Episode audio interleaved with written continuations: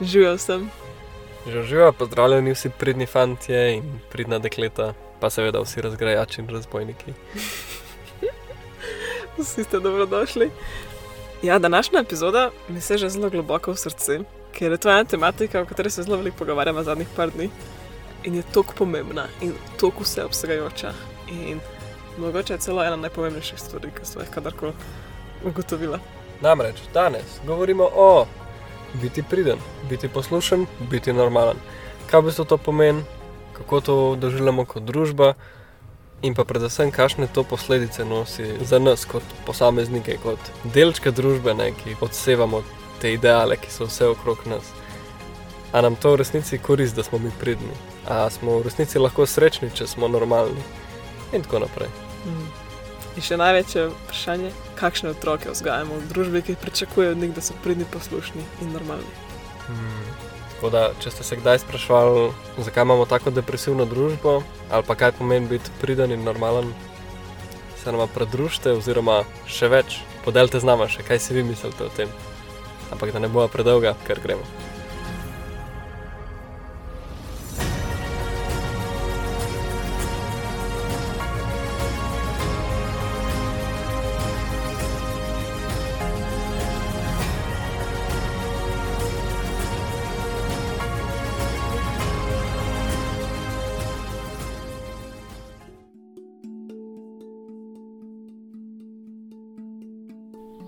A se počutite srečni?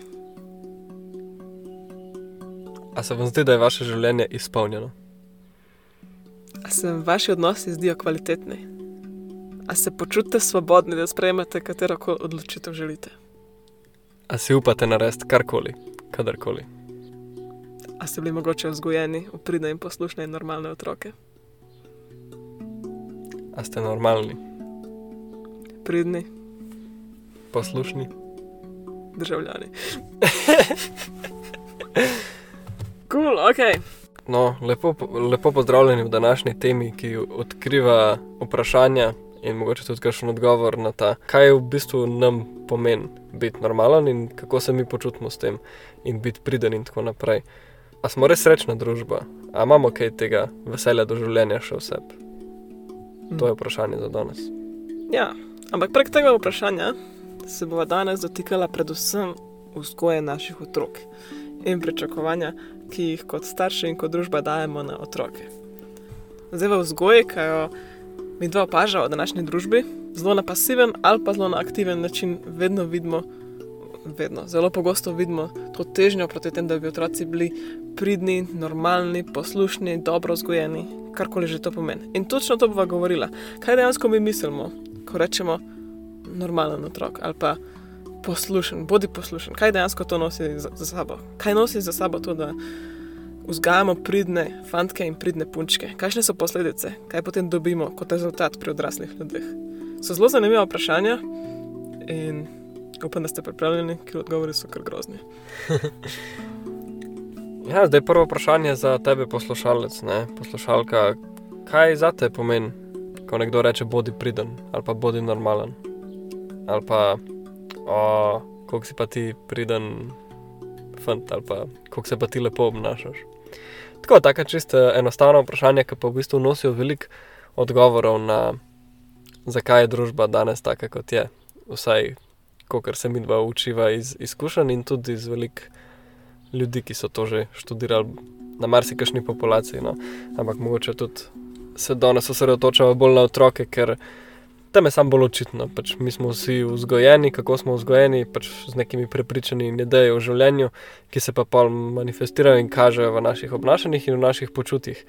In bo zelo lahko delati te povezave, se boste videli, da zelo hitro pridemo do odgovorov, ni, ni neka zapletena veriga tukaj.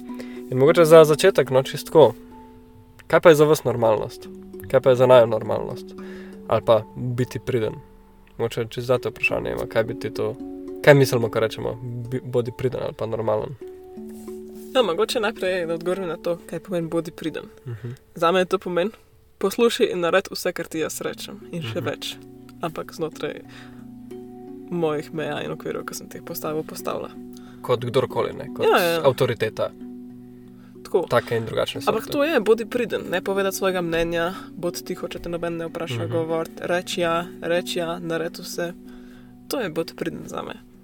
Mislim, zraven seveda pride tudi to, da si super uspešen, uspešna v vsem, kar počneš, na način kot, ja, ja, to si pridem, pridem, da dosežeš vse cilje in vse standarde družbe in jih še mogoče presežeš. To tudi pride v pridnost, bi rekla. Mhm. Kaj pa normalnost pomeni?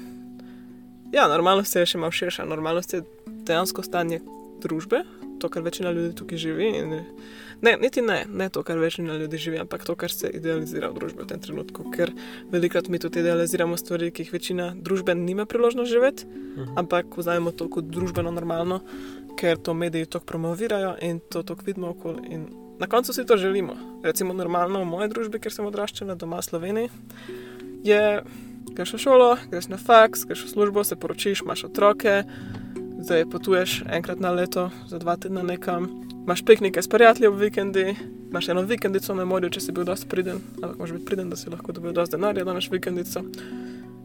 In tako živiš, to je to. Dela se normalen delovnik od 8 do 4 ali pa celo več. In to je, ena, to je klasično življenje, ki ga veliko ljudi živi, nič ni narobe s tem, čez krasno življenje, ampak tako si jaz predstavljam normalno, če me vprašaš. No. Zakaj pa zdaj to sploh mi ne omenjava, je, ker velikrat potem mi pademo v to idejo ujetosti, da moramo živeti takšno življenje. Da je to družbeno edino sprejemljivo in edino pričakovano življenje od nas. Kaj pa je zate, pridnost pa normalnost? Hmm. Mislim, itak to, kar si vse povedala? To, to je velik del tega. Um, pridnost za me se vedno nanaša na to, da od, odkljukaš vse, kar je pričakovano od tebe. Se pravi, ti kot en človek v tem sistemu moraš se sprehoditi čez vse te, kar gre skupaj z normalnostjo, to, kar si govorila. Ne? Se pravi, moraš iti v vrtec, pa moraš biti priden pavžek. Ne? Pa greš v vem, prvi razred, pa moraš dobiti zvezdice in polk si dobil zvezdice za pridnost, evo, zdaj si pa ti pridena. Ne? In tako naprej, in tako naprej. Dajemo to nalepko pridnosti na tako, moralnost, na etiko, na, mm. kako bi se rekla, poslušnost, ne se pravi, ta vloga avtoritete, ki ti pač narekuje, kaj moraš delati. ne. To je ta pridnost, ki si jo prej opisala. Pač to, da smo pridni, doskrat vključuje tudi to, da postavimo druge na prvo mesto, ne pa nas samih. Bod priden pa pet človeku, ki te je nekaj prosil, nekaj iskati, ali pa bod priden pa spoštuj pravila ali pa bonton. Ne, zdaj je to ful v redu, med bonton, se meni zdi, ker pač neko tako uh, sofisticiranost ustvarja, kar je čist kul, cool, samo po sebi nič narobe. Ampak pa so pa ljudje, ne, ki pač ta nepisani bonton tudi spoštujejo in pričakujejo. Naprimer, v kjerkoli službi, ja, če nisi ti šef, Mada delaš to, kar šef reče. Pa čeprav ta šef je mogoče čisti debil, ampak pač samo zato, ker ima ono logo neke avtoritete in ti kot priden uslužbenec moraš poslušati to, kar reče. ne. Zdaj gremo že mogoče v to, kako se tudi pozna, kar reče, bodi priden v, v šoli. Ne? In pa si kar še naprej priden, celo življenje si priden in delaš to, kar ti drugi rečejo. Ampak to nima veze s tabo, to, da ti nekdo reče, bodi priden. Bodi priden pomeni posluši kot si ti začela. Se mi zdi ful dobro. Bodi priden, posluši, ne pa posluši sebe ali pa deli to, kar ti paše. Ne. Tako da šuti trpi. Šuti trpi, to se mi zdi dobra interpretacija Tako- tega. ja, ja. Tako nekaj je ta pridnost. Ne. Um, ampak je še ful več od tega, se mi zdi, a, tudi da ne moram glih zares povedati tega drugače, kot s primeri. No. Ampak se mislim, da razumemo. Ta bodi priden je res, kar se mene tiče, ena velika tragedija naše družbe. To, Strupena beseda. Ja, prav res, ker pol, vsi mislimo, da delamo nekaj dobrega, da smo tako v, ful v pomoč, da smo ful uh, nezamenljivi, da smo uh, najboljši, kar smo lahko.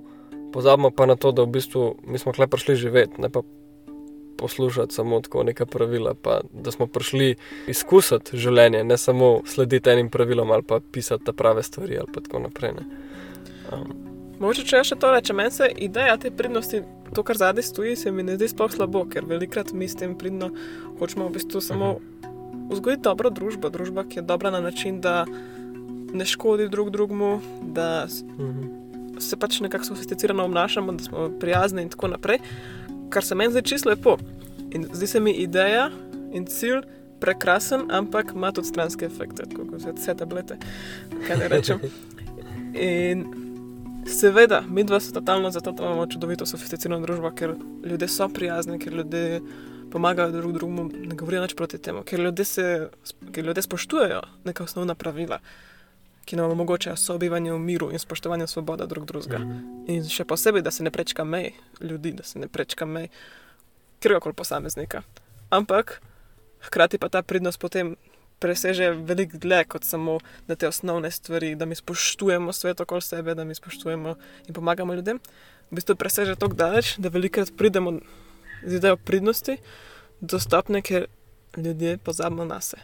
In to postane normalno. Normalno do te mere, da ti nikoli več nisi na prvem mestu, kar ti želiš, ni več na prvem mestu, kar ti si ni več na prvem mestu in zatreš življenje oseb, zatreš svojega duha. Ne vem, kako naj to drugače povem, iskreno. Ja, zato ker si tako preveč um, okupiran z vsemi zahtevki družbe ali pa samo ljudi okrog tebe, ki rečejo, bo pride na tak način, pa na tak način. Ne? In pol smo vsi sam pridni državljani, pridni uslužbenci, pridni otroci, pridni karkoli, kar pa pomeni lepo kvadratasti znotraj okvirjev. Moče kle tudi pol pridemo zelo lepo do tega, kaj je za me normalnost. Za me normalnost, ki je trenutno propagirana, je zelo daleč od izpolnjene, srečne, zadovoljne, zdrave družbe. Večino krat, kar sem odkril, je to, da se ljudje sploh ne povežejo z normalnostjo, da vse, kar mi živimo, pa se dogaja okrog nas, je samo nek skupek idej, ki jih vsi gojimo, ampak noben se pa v bistvu ne poveže z njimi. Ne? Če vprašaš ljudi, kaj je normalno, oziroma če vprašaš ljudi, a se ti strinjaš s tem, kar mi rečemo normalno, veliko ljudi bo reklo ne. In to je meni ta bizarnost, ne? da normalnost je samo nekaj, kar mi gojimo kot vsi skupaj. Nobenemu pa v resnici ni mar za to, v resnici bi mi radi nekaj drugega kot normalno, mi si želimo nekaj več. Ampak ta planet se nadaljuje, naša družba kar naprej teče, čas teče in mi z, mi z njim. In normalnost je samo nekaj, kar se je zgodilo, neka posledica vseh malih dejanj, ki jih je človeštvo do zdaj naredilo, vsega, kar smo se strinjali in kar se nismo strinjali, ampak zdaj pa smo, kjer smo in to je zdaj naša trenutna normalnost, ki se vse čas spremenja, ampak bolj jo vidim kot tako, družben konstrukt, kot pa nekaj, kar v resnici bi prihajalo od kogarkoli posebej. No. Mm. Mm. Ne, se mi je v bistvu porodila ta misel, zdaj, ko si govoril. A veš, kaj ti rečejo? Bod normalen. Uh -huh. Kaj sploh hočete, da naredim, če ne, da ne bom normalna? ja, ali pa ti nisi normalen. Tako, ja, se, a ni to dobro, zakaj? Ja, ne, ne, ker mogoče zdaj, ne. Zdaj, če gremo trgovino brez maske, pa mi reče, bod normalen, jaz vem, ok, da je masko gor, of course, da je bod normalen, znaš se kot človek. Ampak, če mi pa takole, ko samo obstajam, pa govorim z nekom po telefonu, doma v Sloveniji pa mi reče, da je bod normalna, ne vem točno, na kaj se nanaša to. A ne, kaj, bod normalna pred Slovenijo, bod normalna, da je peč živeti v hišo, bod normalna, um, ne vem, oblec se drugače.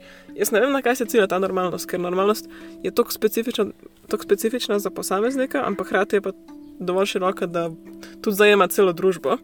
Tako da velikokrat mi samo opisujemo neko nestrinjanje ali pa strinjanje s to normalnostjo. Če rečemo, to je normalno, s tem izkažemo, s tem se strinjamo, in če rečemo, to ni normalno, pol ponati rečemo, s tem se ne strinjamo. Hmm. Ali pa to se mi zdi, da nihče ne dela. Ja, ja, to je. To je tudi definicija. V bistvu sva eno najbolj neumno stvar v življenju poslušala, moram to povedati, pri gravah stvari, ker še vedno odzvanja v meni, kako je človeštvo bogo. Ampak nekdo, en, en žal mi je, da moram to povedati sploh. Ampak v glavnem bila je debata o lulanju v banjo. Izkazalo se je, da neka ženska je lulala v banjo doma in njen mož je bil tako gorčen. In potem je vprašal ljudi, je to normalno, je to normalno. Da ljudje kar lulajo v banjo, moj bog. In potem ena reče nazaj, ja, ne. Ne glede na to, koliko ljudi to dela, tudi če cel svet to dela, to ni normalno. Ampak meni se pa to zdi, da pa, pa jaz tukaj rečem, da meni se pa to zdi dejansko definicija. Če cel svet to dela, pa to je normalno. Ne moreš reči, cel svet to dela, ampak to ni normalno. Ker Mm. mm. glih definicija normalnosti je, da vsi to nekako živijo. Ja, nekako prav ta retorika se je izgubila. Ne? Ja, ja, V ja. bistvu hočemo reči, to pa ni. Mislim, to se meni ne zdi dobro. Ja. To ni normalno. Ne? To ne, ona je hotela reči, jaz se ne strinjam s tem, čeprav vsi to delajo, ampak zdaj se beseda normalno uporablja kot jaz to odobravam. Mm. Cool. Prej si hotela še nekaj elaborirati na pridnost. Ja, ne. Želim si v bistvu res začeti to vzgojo otrok, zdaj smo kar malo plavala v teh najnih definicijah pridnosti vzg- vzgoje, mislim, ne, pridnosti, normalnosti in tako naprej. Ampak mogoče, če malo pristanemo v pridnosti za nekaj časa, Mhm. se mi zdi, da pri vzgoju otrok, kakorkoli hočemo otrokom privz- privzgojiti neke moralne vrednote, neko lepo obnašanje, kar že lepo je, ta pridnost vedno ultimativno doseže. Drug, druga plat medalje, potem ko človek odraste, ker bom jaz povedala, kako sem jaz to prvič zares globoko opazila in ugotovila, kaj ta pridnost naredi. Namreč jaz sem enkrat v situaciji eh, z nekim tipom in on me je hotel poljubiti, jaz nisem hotela tega in jaz sem se kar naenkrat počutila tako slabo reči ne. In jaz sem se začela upravičevati. In sem se tako slabo počutila in sem ugotovila, prav tako globoko v sebi sem videla, je to pa prav moja vzgoja, da ne rečem ne, da sem pridna in da naredim to, kar drugi ljudje okoli mene hočejo, da naredim. Mhm. In v trenutku sem se prvič zares zavedala, mislim, da sem prvič tudi zares vprašala, glede te pridnosti in vsega. Kaj mi delamo otrokom, ki jim težimo, da bojo pridni? Grem stav, da moji starši ne bi mene vzgajali v pridno hčerko, pa tako naprej, če bi vedel, da je rezultat tega, da jaz ne bom mogla reči ne nekomu, ki me hoče poljubiti, pa se mi zdi to grozljivo. Grem staviti in to je samo en zelo mikro, mikro, mikro primer tega. In potem, ko sem začela to gledati na večji spektrum mojega življenja, pa ne vem, govoriti s tabo, govoriti s prijatelji in tako naprej, to mi, da se pogovarjam z enimi prijatelji, sem začela opažati, kakšne brazgotine ta pridnost pušča na ljudeh. Mhm. Kaj vse si mi ne upamo reči, narediti in biti, zaradi tega, ker smo pridni. Recimo za punce, jaz to še posebej opažam. Ženske toliko trpijo, ker so naučene biti pridne, pridne punčke. Da to je tako največji kriminal, ki se je zgodil v zgodovini človeštva, da se ženske vzgajajo pridne punčke. Pa vem, vem, fule lepo, pač fule lepo, vem, da samo hočemo dobro in da hočemo lepe moralne vrednote vzgojiti in jaz sem fule lepih stvari bila vzgojena, ampak hkrati opažam, kako pri ženskah je to res pustil, ta pečat, ni primerno reči ne, treba je narediti, kaj drugi hočejo in veliko je to tudi na nek način celo zloraba potem to, kar prestaneš, samo zaradi tega, ker si vzgojen, da Mhm. moraš biti priden. Ja, ne, to pa lahko prihaja iz marsikje. Recimo, čist enostaven primer je, ko greš, ne vem, gre tvoja hčerka v šolo, pa rečeš, bod pridna. Kaj v resnici rečeš? Naredi to, kar reče učitelj, učiteljica. Ja. Ja. Ne, naredi to, kar ti avtoriteta ukaže. In pol, če ti recimo vidiš tudi to, kar si razlagala nekega moškega, ne, je pač sam naredi to, kar ti drugi rečejo. Ali pa Mhm. mhm. mogoče si, se vidiš v nekem powerplayu, kakorkoli že, mogoče je to, ne vem, mal starejši človek ali pa mogoče je mal karkoli že, mogoče če bi bil glih nek otrok, pa da ti to reče, ne bi mu ustregla. ne. res, ja. Uh, tako da, čim je nek tak pridih, da je treba poslušati, tudi ta moško-ženska dinamika je doskrat tako, da se pač iz naše družbe izhaja, da pol moški ima večjo besedo, samo zato, ker je moški. In pol na vseh teh situacijah, ne. Se to preslika. Pa kar na koncu si tako priden do vseh, priden za vsako situacijo. In da pa tukaj odpiramo vprašanje, je res dobro biti priden. Mislim, Verjetno se ti ne počutiš super, ker si tako pridna in si tako lepo ustregla temu človeku in si se mu upravičila, ker ga nočeš poljubiti in tako naprej. Ne, ni bilo dobro, no. ni bilo lepo, bilo grozno. Ampak hkrati sem pa pomislila tudi, da jaz govorim o tem ženskem aspektu, hkrati ima pa to tudi zelo globok moški aspekt. Tudi, ne. Seveda. moški si potem ne upajo biti moški, ker morajo biti pridni fantki, ki Mhm. rečejo ja svojim ženam, ki rečejo ja svojim delodajalcem, ki rečejo ja vsem. In moški bi morali biti uniki, ki skrbijo, tako, so svoje moči, svoje moški moči in Kaj si skrbijo. upajo? si upajo, ki stopijo naprej. Ampak kaj pa narediš, da biš pridne moške, ki bi bili samo tako? Ja, ja. Vse je normalno, isto kot punce, ne? Čez ista, ista dinamika je. Na koncu vsi izgubimo to notranjo moč, to našo surovo moč, pač to Mhm. zgine, s tem, da postanemo pridni. Ja, mislim, vse damo stran. Ne? V bistvu vse, kar imamo kot ljudje, je izbira. Tako, zavestna izbira, da si mi rečemo, to pa hočem in to bom naredil. In to je edino, kar imamo kot ljudje, da lahko zbiramo.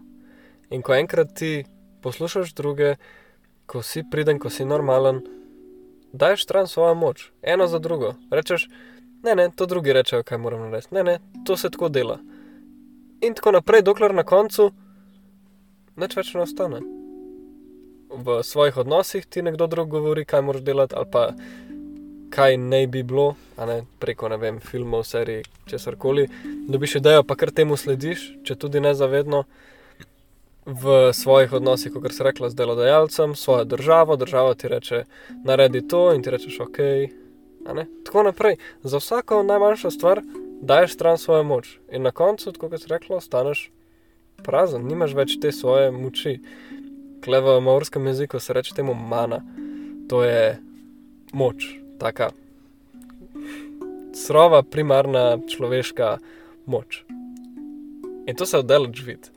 Delež se vidi, kdo jo ima, pa kdo je že veliko dol stran, kdo se je bil pripravljen veliko odpovedati, samo zato, da pač ne bo tako kritiziran, da ne bo tako obsojen, da ne bo tako nenormalen. Se mi zdi, da to je pol naša menjava. Ali bomo nekako noter pripadali tej skupnosti naši, pa se pač odpovemo mal svojim potrebam, idealom, željam, izbiram, ali pa na drugi strani si nekako izločenec. Ne? Bolj, ker stopaš v svojo moč in delaš vse po svoje, bolj si izločen, bolj ne pripadaš, bolj si outlaw. Ne? nekako nekdo, ki živi ven iz tega iz te družbe, vsi se, vsi se nekako zmrdujejo in uh, te grdo mm. gledajo. Ne. Ja, zdaj, mogoče to, kar mi dva govoriva, se marsikomu sliši kot ena velika anarhija in neke revolucionarne besede, kaj noben ne bo priden, kaj bojo pa vsi počeli, vsi bojo počeli. Vsak bo po svoje delo. Ja, ja točno to. In bi sam povedala, rada, kaj pa mi dva zagovarjava, predtem uh -huh. si kaj mislite. Mi da še vedno zagovarjava, v bistvu ne, jaz ne zagovarjam take lepe, urejene družbe, ker se mi zdi en šit, brez zamere. Ampak zagovarjam pa še veliko več od tega. Zagovarjam res tako zavestno družbo, kjer ljudje zbirajo, kaj počnejo, poznajo vse faktore in zbirajo, in so tako zavestni in tako zdravi v svojih odnosih, sami vseb, sprav brez travm in notranjih bolečin, da lahko sami razumsko zberajo narediti nekaj, kar potem mi imenujemo zdaj pridno in dobro, ampak ne, da jaz lahko zavestno sama zberem pomagati nekomu, ker je meni to všeč, pa da jaz lahko zavestno zberem je to službo in poslušati ljudi, ki jih jaz dojemam kot avtoritete in za katere vidim, da so pametnejši od mene in ker smo modrejši. In jaz z največjim veseljem to poslušam, ampak se zavedam, da, da ti ustvariš družbo, ki lahko ljudje razumsko zbirajo, vse je zelo nevarno. Plus, zaradi dveh aspektov. Prvo, rabiš družbo, ki je zelo zdrava, mentalno zdrava, in drugo, ta družba te ne bo poslušala. To je zelo nevarno, nobena, politi nobena politična schema noče takih državljanov. Tako da mm. to je zelo revolucionarno, ker potem na koncu samo dobiš ljudi, ki si upajo reči ne, takrat je odgovor ne. Se pravi, seveda, seveda, potem to se sliši kot ena anarhija in noben tega noče. Ampak jaz res opažam in stojim za tem, da ko nekaj zbereš svobodno in sam, zaradi tega, ker ti veš, da je to dobra opcija in ker si ti zdrav in si uspel predelati vse opcije in vidiš, da to hočeš zbrati, pa to narediš z užitkom in iz srca. In na nobenem drugem primeru ne narediš tega užitkom. Mm. Nobenem. In to, kar ti ne prinaša užitek, v bistvu ubija tvojo dušo. In ko ne drugače rečem. Mm. Zdaj pa sledi en kratek premor, ker bi vam rada predstavila nekaj prav zares prekrasnega. Zato bi vas rada nekaj vprašala. A se počutite zgubljeni v življenju? A se vam zdi, da življenje ponuja več izpolnjenosti in sreče, kot jo doživljate danes? A se počutite, kot da nič, kar delate, nima smisla? A se vam zdi, da življenje samo mineva mimo vas in pa čakate? Pridružite se nam že danes na najnem tečaju Živi svojo pot, kjer bomo naslavljali vsa ta vprašanja in še mnogo več. Vse informacije najdete v zapiskih spodaj ali pa kar direktno na emakristjan.com. Mi dva imamo vprašanja, vi imate odgovore. Ja, jaz zadnji dve leti delam ta eksperiment, ne, da v bistvu nimam nikogar, komu bi rabo odgovarjati.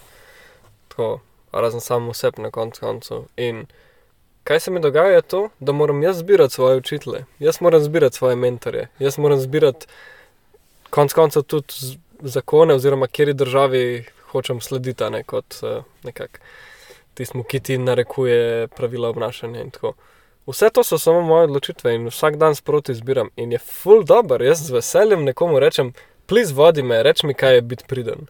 Ampak šele takrat, ko razumem, ok, tebe hočem dojemati kot mojo avtoriteto, oziroma želim, ne vem, biti kot ti ali karkoli že moj vzgib, ampak prihaja iz mene in to je tako močna zadeva, da ti lahko zbereš, kera pravila boš upošteval ali pa zbereš svojo definicijo pridnosti. Je zelo simpel, zelo enostavno je to. Sam moraš se odločiti, kaj bi ti rad kot normalnost, pa pa naj mi govorijo ljudje. Jaz, če jaz izbiram normalnost, ki je bolj napredna od mene, pa rabim nekoga, ki mi bo povedal, kaj naj delam, pa kako naj delam, pa kaj kaj je tukaj dobro, pa kaj je tukaj slabo. In z največjim veseljem to delam, samo če me pa nekdo prsil, pa z največjim zaničevanjem in odporom to delam. Ja. Kar je pa to, kar mi v resnici počnemo. Ne? Rečemo, poslušaj tega človeka. Ne? In polkar naenkrat z leti, pa ugotoviš, wow, tega človeka, ki so mi rekli, da ne ga poslušam to se mi pa ne zdi kul cool človek, to se mi pa ne zdi v redu oseba. Mogoče pa temu človeku ne bi jaz tako zaupal, če bi mi danes dal izbiro, a ga poslušam ali ne. Po drugi strani pa če lahko še tle dodam, so pa tudi primere, ko potem čez par let si tako rečeš, wow, res si želim, da bi tisto osebo poslušala takrat. Ampak takrat sem pa prisiljena, da poslušam. In pač nisem hotla, ker sem bila prisiljena. To je bil tak odpor, ki se zgodi vsakemu človeku, ker mi, smo, mi zelo želimo to svobodno izbirati tudi če je to sam podzavestno, pa se tega ne zavedamo. In danes si recimo jaz za veliko mojih učiteljev želim, da bi jih poslušala. Jaz tudi. Ja, ampak sem takrat, so mi rekli, sedem mir, bod tukaj in ne že ga ne smeš delati. Vse, kar sem hotel početi, vse drugo. Ja, ja to, to pa tako, no, če se spet malo nazaj na otroke dotaknemo. Meni se zdi, da delamo tako neuslugo vsem našim otrokom, ki jih prisilimo, da delajo stvari na mestu, da bi jim zraven te prisile, če jih že moramo siliti, dodali vsaj razlago, vsaj tako, da bi vključili aspekt motivacije. Kaj nas motivira, da se učimo, kaj nas motivira, da poslušamo nekoga, da sledimo neki avtoriteti. Zakaj tega ne učimo? Zakaj to manjka? Jaz si želim, da bi mi nekdo razložil, tako, kaj vse se lahko zgodi, če govoriš en drug jezik, tuj, ne recimo, kaj ti angliščina odpira, kaj ti en tretji, četrti jezik odpira. Sam zato, da bi jaz lahko takrat začutil, wow, jaz si pa to želim, ok, to me motivira, zato mi je kul cool se učiti, recimo za izpit ali pa zato razumem, kako se bo v praksi uporabljal.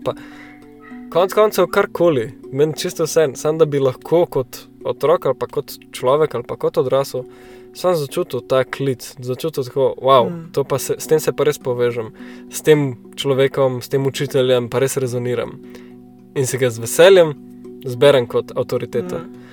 Eš, to, to pa meni manjka, no, tako otrokom, da bi mal, mal več um, dal možnost izbire, kdo je naša avtoriteta, kot pa da samo prisilimo. Poslušati. Mogoče da ne bi otroke tako tretirali kot otroke, ampak oh. kot ena razumska bitja, ki razumejo in slišijo, kaj govorimo.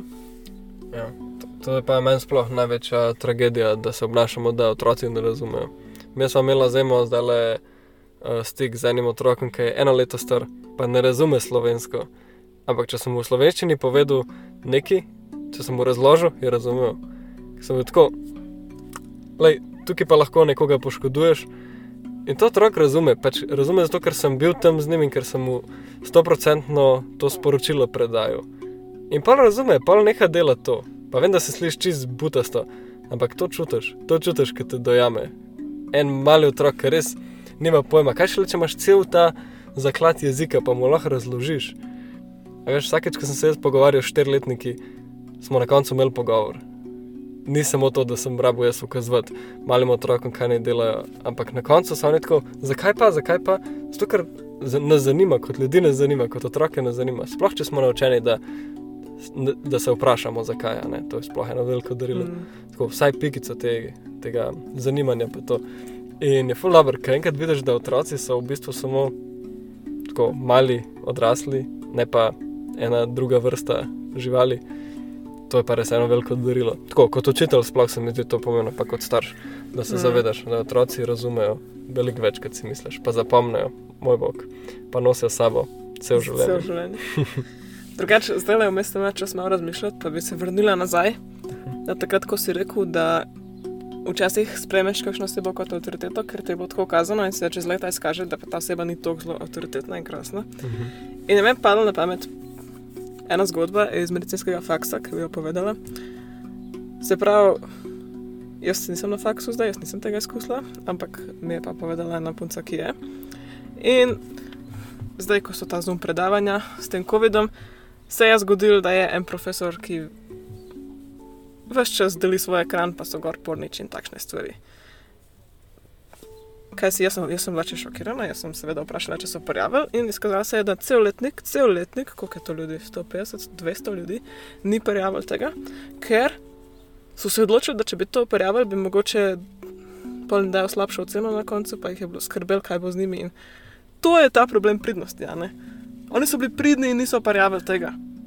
In kaj potem mi spodbujamo? Spodbujamo ene ljudi, ki kažejo porniči na svojih predavanjih in mi bi jih morali imeti kot avtoritete, ki nas bojo nekaj naučili. Jaz razumem, da mogoče on ima neko famozno medicinsko znanje, sploh ne vem, kdo je in nima veze, kdo je. Ampak tak človek nima kaj zaučiti, brez zamere. In mi moramo imeti to moč v sebi, da včasih rečemo ne. In to je to, kar nam pridnost vzame. Mhm. Pridnost nam vzame ta ne, takrat, ko ga je nujno potrebno postaviti. Mhm. Ja, to se mi zdi glih to, da potegneš mejo takrat, ko je prečkana. In je zelo enostavno, ne v resnici, pač sam rečeš ne. Ampak v resnici je to tako težko, ker moraš podreti vse to, kar si bil učen. ne. Vsa Mhm. svoja pridnost, ki je tako globoka v nas, jo moraš strandati. Eno je to, ne drugo je pa dejansko tako upor proti nemoralnim stvarem. Se pravi, če ti dojameš nekaj okrog sebe kot nemoralno, pa neetično, lahko pa zdaj se opreš kot nekaj aktivnega narediš, ali pa sam rečeš, ne, se v redu, sej, sej boljš tako, ker pač bla bla bla. Ampak odkje dobiš to moč, da karkoli narediš, da se opreš, pa ne mislim tako zdaj celo revolucijo zganjati. Ampak sam to potegam črta, pa reč, ne, človek, ne strinjam se s tvojim obnašanjem, oziroma če ga boš delal na ljudeh, ga definitivno ne boš delal na meni. To je pa prva stvar, ki jo vem. In čist tako enostavna, sem tako povedati človeku, ja, na meni tega ne moreš delati, to vzame že ful enega dela, to vzame že ful ene moči. In ja, vso to moč pa zgubimo v tej pridnosti. Ne? Nekako nas kar pusti. Take, čist nemočne in boge in pridne. Mm. In pridne. Ja. Definitivno ta pridnost je en velik aspekt vzgoje, ki meni ni všeč, ampak obstaja pa še nekaj hujšega, še en večji kriminal, bi jaz tukaj rekla. In to je ta občutek, ki ste velikrat pri vzgoju otrokom, in to je, da niso dovolj. Da niso dovolj, če niso pridni, da niso dovolj, če niso normalni, da niso dovolj, če ne naredijo vsega, kar jim je bilo rečeno. In še posebej zadnje par dni, zelo globoko tako čutim to, ker sem imel interakcije s takimi ljudmi in mi je prav težko. Želim si, da bi te starši se zavedali, kaj delajo. Vem, da se ne, ker ne bi nikoli tega naredili, če bi vedel. Mm. Um, in edino, kar jaz vem, da on si, da moj otrok nikoli ne bo imel občutka, da ni dovolj. To je pa ena stvar, lahko se vse ostalo podre. Ker to je pa je tako grozen, ker ko vidiš, kaj pa ta občutek naredi. In ta občutek zelo preprosto pride. Zelo malo stvari je treba narediti, da to pride. Pač. To je tako. A, samo štiri si dobil, ne pet. A, ok. Ali pa, olej, tvoj brat je pa to delo že eno leto pred tabo. Ali pa, e, spet nimaš počesanih las, ne zgledaš dobro. Take stvari, zelo mini stvari. Ja, ali pa na kolokviju dobiš 86%, pa je vprašanje, kaj bi pa lahko boljš naredil. Ali pa dobiš petko ali pa desetko, pa dobiš za odgovor nazaj. Vse to je standard, tako mora biti. Zelo mehke stvari, ne rabijo biti stvari, ko tako kaznujemo te zaradi tega. Dobro, to še posebej, to še posebej naredi Hmm. travme in nisem dovolj. Ampak hočem, da mi da hočem prav te primere povedati, ker so res tako zelo minimalni in zelo pasivni. Hmm. Te so bolj za starše. Ne? Ja, ja, ja. Mislim, pa se vsi bomo starši enkrat. Da... ne, ne, mislim tako, v starševskih vlogah. Ja, ja, ja. To definitivno. mogoče druge avtoritete niso tako eksplicitne pri teh. ne. Ja, to je res, to je res. Um, nisi dovolj, ker v bistvu so nekako nepovezani na to, medtem ko starši so pa doskrat tudi ide, identificirani ali pa njihova sreča prihaja iz otrok, pa tako naprej, in pol so res upleteni, vse vemo, pač starši kot taki. Ja, tako da škoda, ker tako zelo male, male stvari naredijo, je zelo vseobsegajoče na koncu. Ja, zato, ker v bistvu nekako prenaša to idejo. Idejo, da nisi dovolj, ne to, da ta test ni bil dovolj dober, pač whatever, veš. En test vsak posebej, ampak za vsak test, pa za vsako mojo izbiro, pa za vsako obleko, pa za vsako nekaj, kar izraža mojo identiteto, ki ni v skladu z normalnostjo mogoče, ali pa ker samo izraža mojo trenutno sposobnost, pa ni dosta. Ne? Ja, tudi-. Tudi tekmovalnost to zelo naredi. ne. Mhm. Pa nagrade in kaznovanja. Uf, ne. uf. Ja, veš, recimo, da je otrok moj, če boš pa dosti dobro se izkazal na tekmovanju, ti pa dam 10 evrov. Če daš gol, če podreš osebni rekord, te pelem na pico. Če pa ne,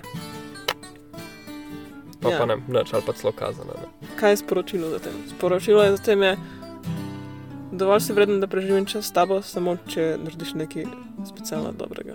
Ja. Drugače pa nisi dovolj vreden.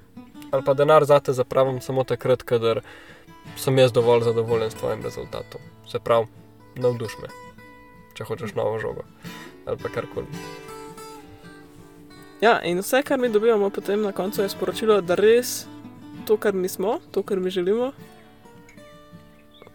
pač nikoli ne bo dovolj. In to nosimo s sabo povsod. Nosimo s sabo v nova partnerstva, nosimo s sabo v službe, nosimo s sabo z vsemi svojimi sanjami, ki jih imamo in si jih velikrat ne upamo niti probat, niti prvo korak narediti, ker itak že vnaprej vemo, da nismo dovolj. Tako da, kaj bomo pa mi, kdo smo pa mi, da bi to lahko uspel. O ja, kdo pa si ti, da misliš, da ti bo to uspel? Of course. Če nisi dovolj, ti ne bo uspel. Mhm. In najhujš, meni se zdi to najhujš, ker vsi te vzorci se na koncu preslikajo, ko dobiš partnerja, ko ti dobiš otroke. Vse se preslika še enkrat in potem ti narediš isto s svojim otrokom, če nisi zavesten. Mhm. In še v partnerstvu se to pozna, res grozno. Ja, ne mislim, v partnerstvu gre pa tako, da vse se sam preslika, sprav starš dobi obliko partnerja. Se pravi, rabaš, ne vem, recimo, če nisi dovolj, rabaš potrdilo od svojega partnerja. Ne? Ali pa, Mm. če, če si vsakeč, ko si naredil nekaj po svoje, mogel razlagati svojim staršem, zakaj pa kako, pa zakaj je to dobro za tebe.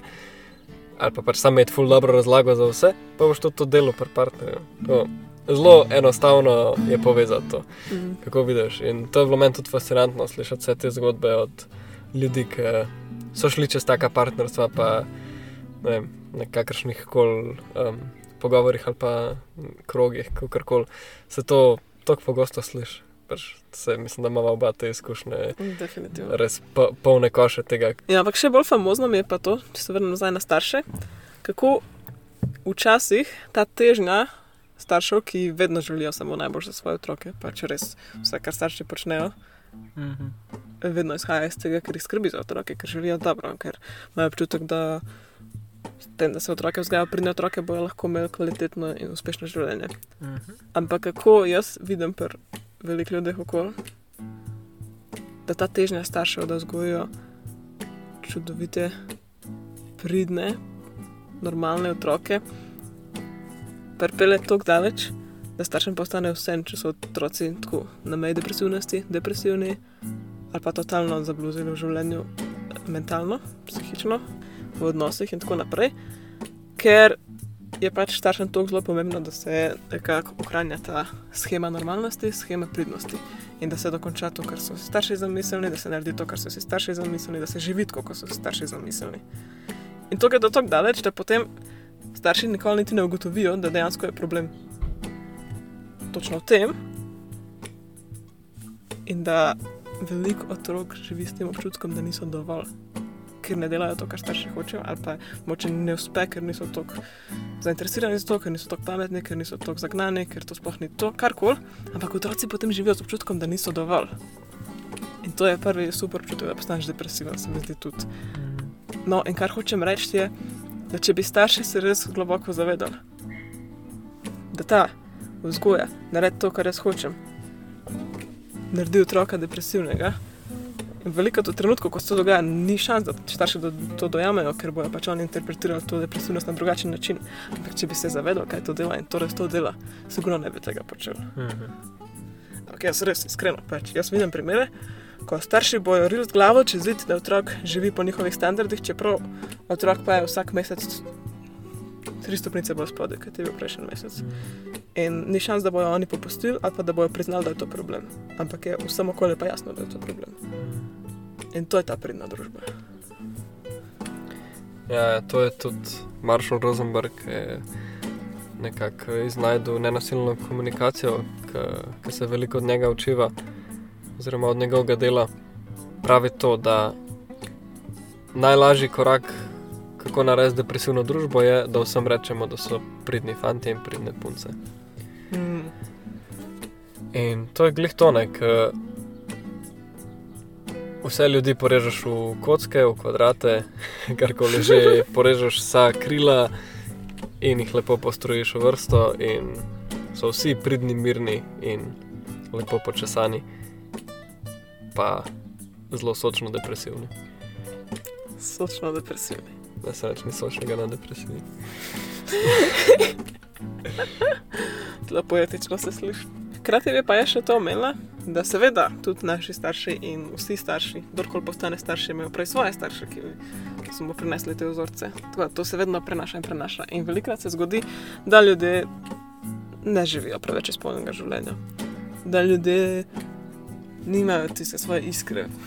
Ne vem, kako naj to imenujem, nekega poslanstva, ne niti poslanstva, ampak nekaj, kar jih res osrečuje globoko. In potem se to preslika na otroke ne preslika, ampak otroci postanejo mesto izpolnitve te luknje, ki jo starš ni mogel izpolniti sam. Mhm. Pa ne sploh, ne sploh otrokova sreča, ampak samo otrokove akcije, pa zapolnjujejo akcije, ki niso bile izvedene strani staršev. Meni se, ja, me se to zdi, da je ena taka, bom rekla posebej ženska stvar, ker nisem to zelo to slišala od moških, ampak od ženska sem. Ne vem pa, če komu delam krivico, mi je zelo žal verjetno si predstavljam, da tudi moški to včasih čutijo. Ampak da potem v nekem trenutku mame pridejo in rečejo, ja, jaz sem ugotovila, da moj smisel življenja je, da svojemu otroku omogočim lepo življenje. To je res lep smisel življenja, to je čudovito in sigurno en del našega poslanstva na zemlji kot starši, da otroku omogočimo lepo življenje. Ampak ko to preide v to, da je to edini smisel življenja, edina stvar, ki te polni in edina stvar, ki ti prinaša srečo, potem to postane malo obsesivno velikrat.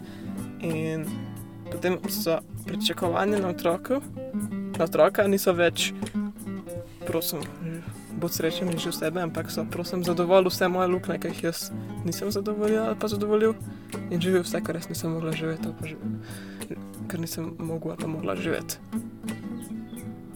In to, to ne more biti tako, ne moremo misliti. Skrajno to spet ubija, ubija to, kaj otrok je, ubija to, kaj otrok bo ker vse, kar obstaja, so potem okviri pričakovanj, kako bi otrok moral biti. Ker pač starš ne najde pri sebi te izpolnjenosti. Ja, in vse, kar mi temu rečemo, je priden otrok. Priden otrok, slediš moji viziji, nekaj v tem stilu. Ne? Tako, tako zamaskiramo vse te naše luknje in tako jih preslikamo, projiciramo na ljudi okrog nas. Sploh pa otroke, ki so tako nepopisani listi papirja, da je najlažje mm. tja gor vršiti. Da sami sebe malo preslepimo, sami sebe malo uh, okrog prenesemo, samo zato, da se ne rabimo v bistvu osredotočiti na to, iz kje izhaja, ampak samo rečemo, ah, pod pridem, pa da je mir. Uh, tako da se ne vem, mogoče v tem zaključku, kaj pa vlečeva. Vlečeva samo to zavedanje, da Dajte si pustiti in ljudem okrog sebe, da živijo. Iz tega, da živimo, pride pa naša zadovolj, zadovoljenost in sreča. In to, kar pol reče, da si vesel, da si živel, to, kar odgovoriš na vsa vprašanja, ki so jih na začetku dala, kot ja, skozi, skozi uživam, skozi se vam lepo. Ne vem, karkoli smo že sprašvali. Ne, dobro, no, seveda v življenju vedno prijajo težke preizkušnje. To je vedno del življenja pač ni, ne bo se zgodilo, da kdaj ne bo težkih preizkušenj. Samo v srcu nosiš mir, v srcu nosiš to izpolnjenost. To je razlika. Ja, jaz vedno vidim življenje kot eno tako ravno črto, okrog kjer se ena krivulja valuje. Ja, in ja. zdaj, kje pa je ta tvoja trenutna raven normalnosti, se pravi, koliko si pa srečen, oziroma koliko visoko je ta tvoja začetna črta, to je pa v bistvu tvoj nivo veselja in sreče. In moj celo življenje je to vedno višata. Ne? In da vse, kar se zgodi dobro in slabo, se bo samo iz tega izhodišča, ki bo že dokaj, tako, s, um, dokaj visoko izhajalo. In jaz to imenujem sreča. Pač, srečen biti v življenju pomeni, moj normalno je nekje tam gor. Mm. In biti nesrečen je pač imeti zelo nizko, to je zelo simpatično. Ja, zdaj jaz verjamem, da na tej stopni bi marsikdo bo nama rekel: Počakajte, da boste videli, imamo otroke, ker to vedno slišim. Pa verjetno kaj v takem stilu kot. Odgovornost staršev da se poskrbi za otroke, da jim pač predamo, kako živeti v tem realnem svetu. In včasih starši vemo boljš kot otroci. In to je res, se strinjam pa popolnoma s temi besedami. To je odgovornost staršev. In ve, starši velikrat vejo boljš kot otroci, Mhm. ker so pač že živeli v tem svetu. Hvala Bogu, da, da potem starši lahko učijo otroke. In ne govorijo sploh o tem. Ni to fora, da mi dva želiva, da zdaj se tukaj pusti neko permisivno vzgojo, ker otroci lahko delajo pa glih, kar hočejo. Ne. Ampak mi da govorijo o tem, da se res obnaša do otroka, da so, kot do človeka, da se izkaže otroku podporo in se ga dojema kot človeka, ki lahko razume in sprejema svoje odločitve. Tudi, če niso v skladu z našimi vedno. To je to, kar mi tukaj govoriva. Ja, pa govorijo mogoče samo to, da se vprašate, kaj v resnici govorite, kaj rečete naslednjič, besedo normalen ali pa priden. Tako, to sta dve, dve zelo močni besedi, ki imata veliko stvari v zadnji, ampak v resnici ne govorite tega, kar namigujete. Se pravi, naslednjič, ko nekomu rečete, bod priden, dajte ga mogoče prositi, da je nared to, kar jaz hočem. Boste vsaj bolj iskreni. Pa, daj, To se pa več grozno sliši, ne moreš to reči. Ja, ne, se razumem, se razumem. Ampak sam tako, no. Če želite s tem otrokom, pa ljudem celega sveta dobro, dajte mogoče priložnost, da vsaj razumejo, ne pa da jim samo kažete, kaj ne naredijo. Tako čisto tako preprosto. No. Moče je tudi ne ukazovati ljudem, ker čim ukazuješ ljudem, se ustvari upor. In to je osnova, osnova tega, da se ne povežemo. In na drugi strani, če rečemo človeku, lej, spoštujem te kot človeka, pa izhajamo iz tega, tukaj se pa začne ta, ta človeška povezava, ta človeškost pride ven iz nas. Mm. Pa je moje čisto vprašanje, pač, ali vam je bolj, bolj pomembno slediti nečemu, čemorkoli, ali sam biti ljudje. Kaj, kaj je vaša prioriteta? To je morda za vsakega posebej vprašanje. Meni je bilo ful dobro, kako se ti zdaj le ukazuje, njim ne, ne ukazujejo drugim. ta, ta je vedno dobra. Je. ja. ne, se to vse skupaj eno povabilo. Pač. Mi da veva, da nikoli ne moreš nobenega več prositi. tako da In če ga prsilaš, Ja. sigurno se bo nekje poznal in tudi Ja, vi boste plačali za to na koncu. ja. Tako da res vzamete to, oziroma slišite to, kar ste rabili slišati iz te epizode.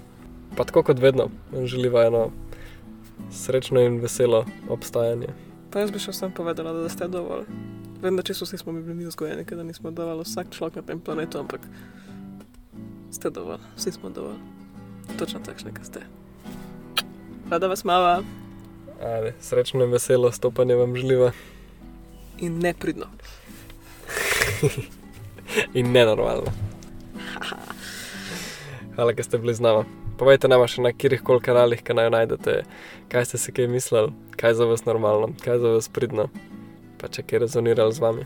Hvala, čau, čau. Čau, čau.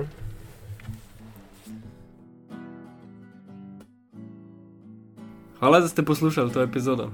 Če vam je bila všeč, pustite komentar ali oceno, vedno pa se lahko naročite tudi na naš kanal. Tako nam boste pomagali doseči vse, ki rabe slišati ta sporočila. Hvala za to. In če imate kakšnega prijatelja, prijateljca, družinskega člana ali kogarkoli, ki veste, da bi mu tole koristilo, prosim, delite z njimi. In skupaj bomo ustvarjali boljši svet. Mm. Veliko ljubezni vsem, Čau, čau. rada vas mava.